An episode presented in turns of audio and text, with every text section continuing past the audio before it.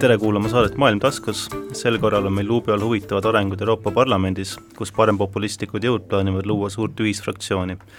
kas see võib neil ka õnnestuda ja millised probleemid nende omavahelist läbisaamist mõjutavad, arutame Postimehe ajakirjaniku Rauno Matvejeviga. tere!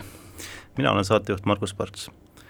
no nagu öeldud, siis hiljuti on päevakorda kerkinud küsimus paremopulistlike jõudude ühinemisest Euroopa Parlamendis ja seda ajendas nimelt ühisavaldus, kus osales kuusteist radikaalsemat parempoolsust esindavat parteid ja märkimisväärne oli see, et avaldusega liitus ka Ungari peaminister Viktor Orban. ja tegu oli nimelt esimese korraga, kus Orban end ametlikult radikaalsemate paremjõududega sidus. äkki käime alustuseks üle, et milline oli selle avalduse sisu ja miks see just nüüd tehti? Mm, avalduse sisu, no laias laastus võib öelda, et kutsuti üles Euroopat reformima. Et seal kritiseeriti Euroopa Liitu kui sellist, mis ta praegu on toodi välja, et ta liigub föderaalriigi suunas ja et see on, et see on vastuolus äh, nende põhimõtetega, mida, mida nemad siis ise kannavad, milleks on äh, see, et liikmesriik on, äh, on see ülim. Nad leidsid, et Brüsselisse on liiga palju võimu koondunud, see tuleb anda tagasi liikmesriikidele ning rõhutatigi just seda liikmesriikide suveräänsust ja ka, ja ka kristlike väärtuste, kristlike väärtuste kaitsmist. miks ta just praegu tuli? No esiteks Orbanil on, ütleme, ütleme Orban on võib-olla see võtmemängija siin sest et Orban äh, varasemalt oli EPP liige, Euroopa Rahvapartei liige ja siis nüüd ta märtsikuus äh, vist ametlikult astus välja, jah, märtsikuus ametlikult astus välja sellest, ta tegi seda ennetava, ennetava lükkena, sest muidu ta oleks lihtsalt välja, välja löödud. nii et otsustas ära minna niimoodi ise, et selg sirgu. ja, ja nüüd ta ongi Euroopa Parlamendis siis uue nii-öelda poliitilise kodu otsingul ja parajasti leidsidki Salvini ja Le Pen, kes esindavad seda euroskeptilist, euroskeptilist poolt Euroopa Parlamendis kõige selgemalt, et võib-olla nad võiks koos midagi teha, et mingisuguse ühise fraktsiooni ning Orban, kuna ta praegu on oma poliitilist kodu otsimas, siis ta leidis, et ta võiks ennast nendega siduda. ning see, sellest see ajastus siis tulenebki, et Orbanil on lihtsalt uut kodu vaja. teine, teine külg võib-olla, mis võiks välja tuua, et miks praegu just on see, et äh, Euroopa Parlament kaks tuhat kakskümmend kaks jaanuaris saab pool ametiaega läbi ja tava on see, et äh, kui pool ametiaega saab läbi, siis äh, mängitakse ümber neid komisjonide juhi kohti ja asju, ehk siis toimub niisugune võimumuutus pisut. ning ütleme, kui nad nüüd suudaksid ennast kokku panna ja oleksid üht, üks suur fraktsioon, siis neil ühtsemalt oleks võimalik mingisuguseid äh, juhikohti ka rohkem saada ja võib-olla siis Euroopa Liidu poliitikat äh, mingil määral rohkem mõjutada. No meil käisid juba Orbani ja Salvini ja Le Peni nimed läbi, aga noh, avalduses on kuusteist äh, parteid, eks ole, et võtame üle, et kes need olulisemad mängijad seal on, et no me teame, et ilmselt kuueteistkümne seas on ka selliseid väiksemaid kalu. Jah, kõige olulisemad kindlasti on siis ütleme, Lega ja Prantsusmaa Rahvuslik Liit mida siis juhivad vastavalt äh, Salvini äh, Itaaliast ja, ja Prantsusmaa poolt Le Pen. Nendel on ka kõige suuremad nii-öelda esindused siis, et kahe peale kokku on neil juba viiskümmend kohta. Ja teine, noh, kolmas oluline, eks ole, mees, kellest me just rääkisime, Orban, aga ma tooksin välja, et neljas ja võib-olla ka äkki selle ühisfraktsiooni seisukohast kõige olulisem äkki on Poola õigus ja õiglus Kaczynski juhtimisel siis, kuna neil, noh, me saates veel ka jõuame selleni, aga neil need vastuolusid omavahel on tegelikult päris palju ning Venemaa küsimus on üks neist ning äh, Poola on teatavasti väga niisugune Vene-vastane ning äh, ehk siis Poola võib äh, osutuda selleks, et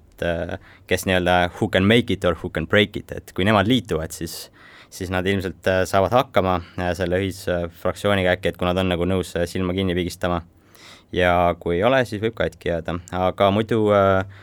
äh, jah, et nemad neli on siis kõige olulisemad, noh, eks siin võib ka näiteks mainida põlissoomlasi näiteks ja ka Itaalia vennad äh,, mis on ka niisugune teine, teine suur äh, erakond, aga ülejäänud ongi niisugune, tooks välja, et noh, et pigem, pigem niisugused väikesed erakonnad väikestest riikidest, kes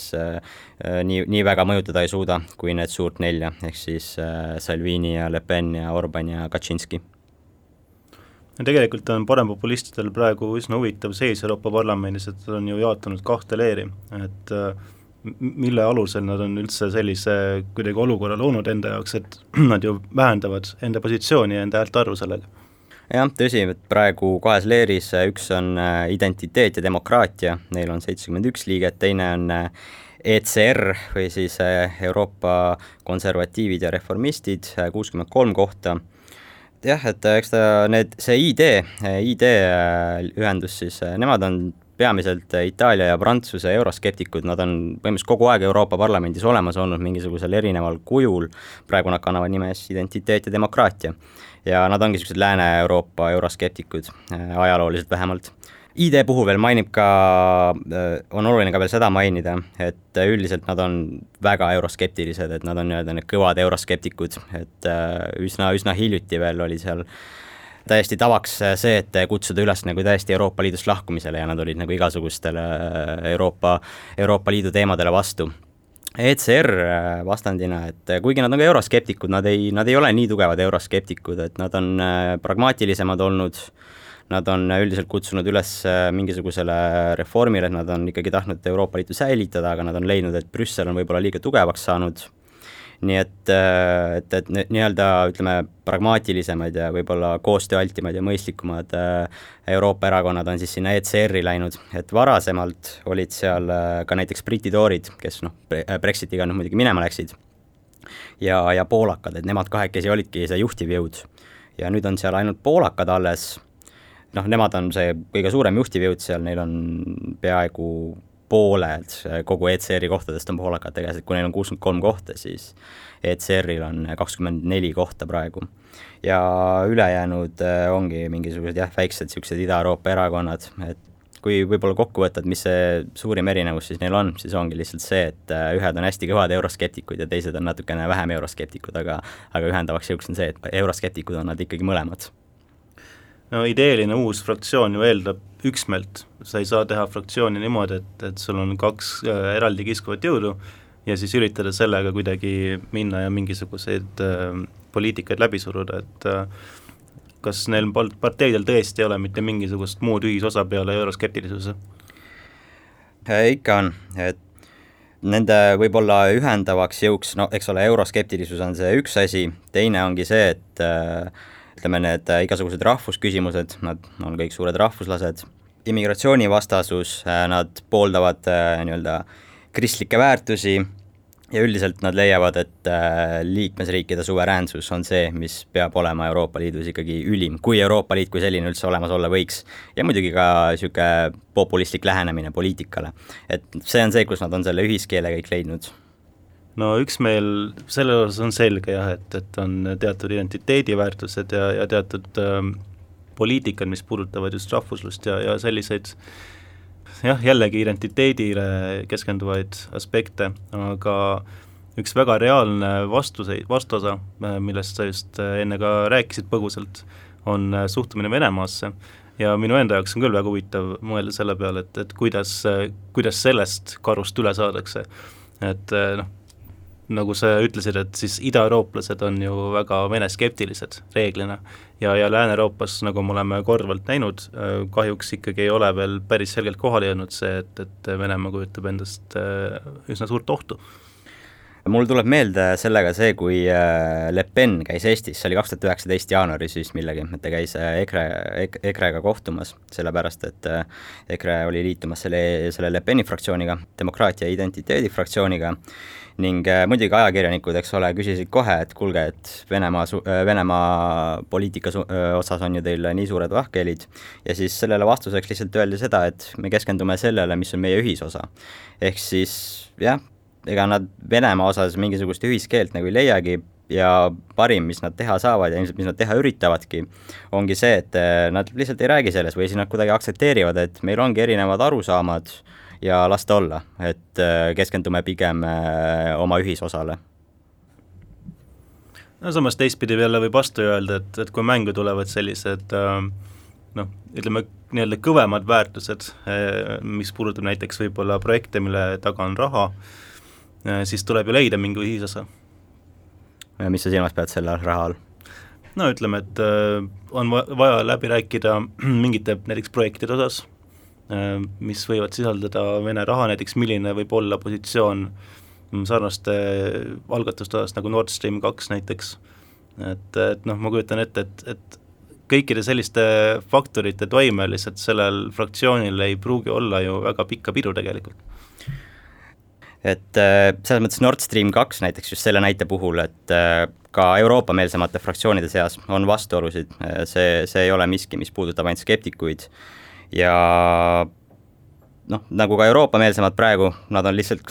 kuidagi leppinud kokku selles, et okei okay,, et meil on siis erinev arusaam ja nii ongi ja tõenäoliselt siis selliste projektide puhul peavad ka euroskeptikud, kui nad peaksid läbi mingisuguse ime oma fraktsiooni looma, et siis nad peavad ka niimoodi kokkuleppele saama.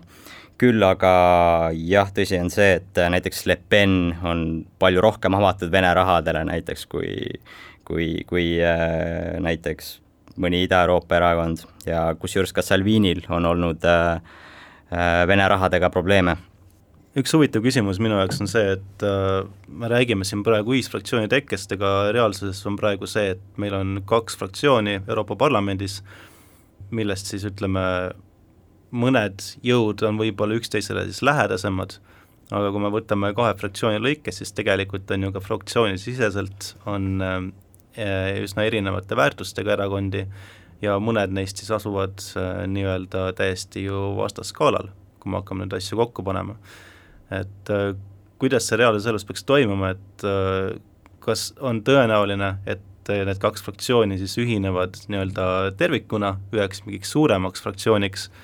või siis tegelikult tekib ka ülejääke või mingisuguseid lõhesid fraktsioonisiseselt, mis äh, takistavad ikkagi seda nii-öelda täisliikmete arvu sinna taha saamast äh,? Ideaalis nad tahaksid luua ühtse suure fraktsiooni, aga jah, tõsi, et äh, juba näiteks kui võtta see ID fraktsioon üksinda näiteks, et siis seal AfD on üks erakond, mis ei kirjutanud sellele ühisdeklaratsioonile alla, mis annab mõista, et tõenäoliselt nemad ei ole sellest huvitatud, siis muidugi tekib küsimus, et okei okay,, aga kui äh, nemad nüüd peaksid, äh, ID ja ECR peaksid ühinema, ehk siis mis saab näiteks AfD-sugustest, kes ei tahagi midagi teha. ja siis äh, ega neil ei ole muud valikut, kui lihtsalt minna nendesse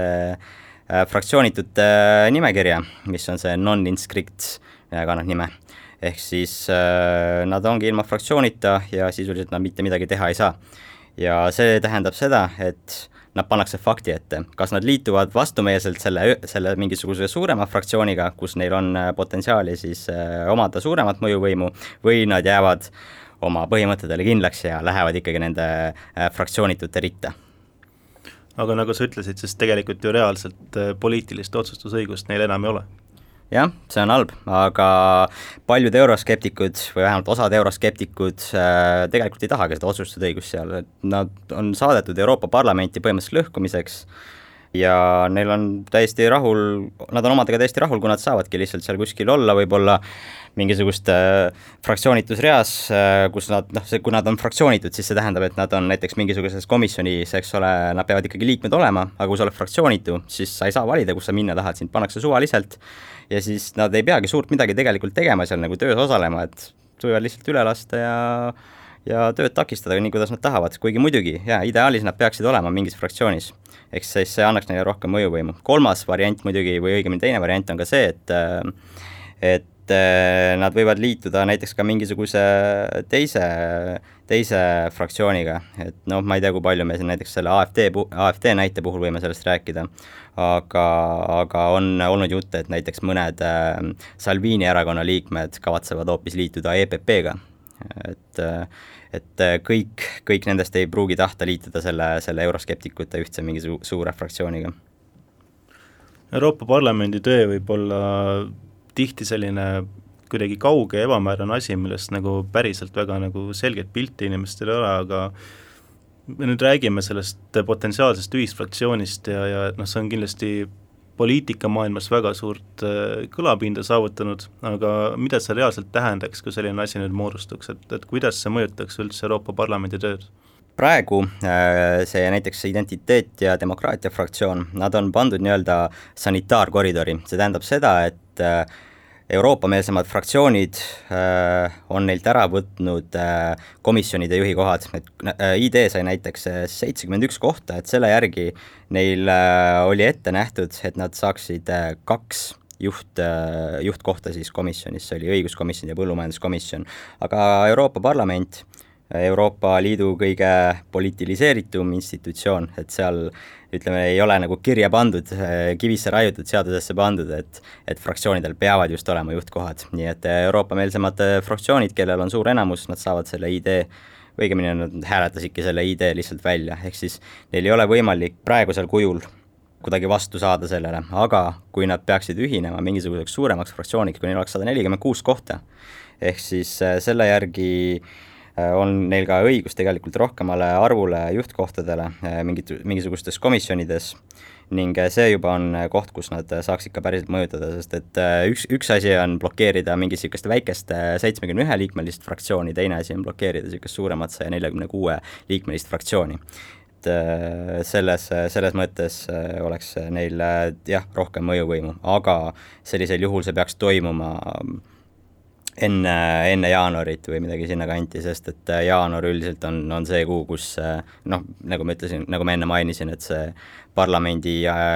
koosseisu siis täpselt poolajal, kui mängitakse ümber neid komisjonide juhi kohti. ehk siis see on veel viimane võimalus, kui nad selleks ajaks ei jõua, siis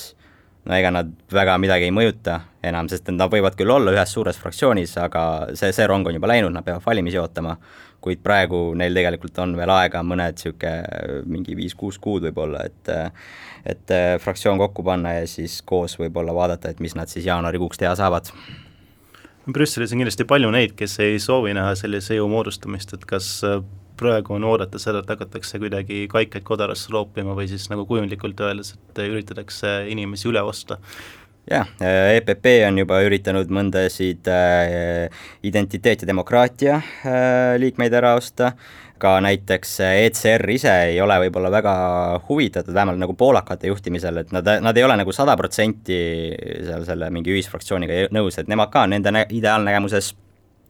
identiteet ja demokraatia võiks äh, hoopis nendega liituda, et, et jätta see ühis, ühisfraktsioon ära, vaid seda ECR-i kuidagi tugevamaks teha.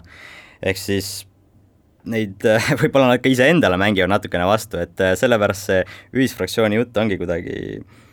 kuidagi noh, ma ei tea, kuidagi nii, nii ebatõenäoline, et, et nad nagu isegi tundub, et nad kuidagi ei taha seda, et siis jah no aastal kaks tuhat kakskümmend neli ootavad ees Euroopa Parlamendi valimised võib ju spekuleerida, et sellisel suurel ühisel rindel oleks äh, vähe suurem šanss seal midagi korda saata kui väiksemal ja killustatumal esindatusel. jah, neil äh, oleks ka automaatselt kohe rohkem ressursse, sest mida suurem on sinu fraktsioon, seda rohkem saad sa äh, seda rohkem Euroopa Parlament annab sulle ressursse, et mingisugust kampaaniat Euroopa tasandil ellu viia, et mingeid Euroopa poliitikaid ellu viia. ja ilmselgelt, kui sa oled parlamendis suuruselt teine, siis eh, see on üpriski kopsakas summa, mis sa saad. et eh, selles, eh, selles mõttes neil oleks kindlasti, oleksid nad kindlasti paremas positsioonis, kui nad on varasemalt olnud. aga muidugi teine asi on see, et kui, kui valimised toimuvad, siis valimised toimuvad ju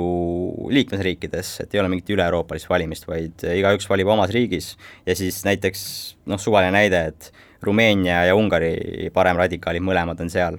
aga samas siis võib olla kuidagi raske selgitada seal Rumeenia ja Ungari suured rahvuslased, et miks nad äh, või noh, et miks nad nagu tahavad koostööd teha, samas kui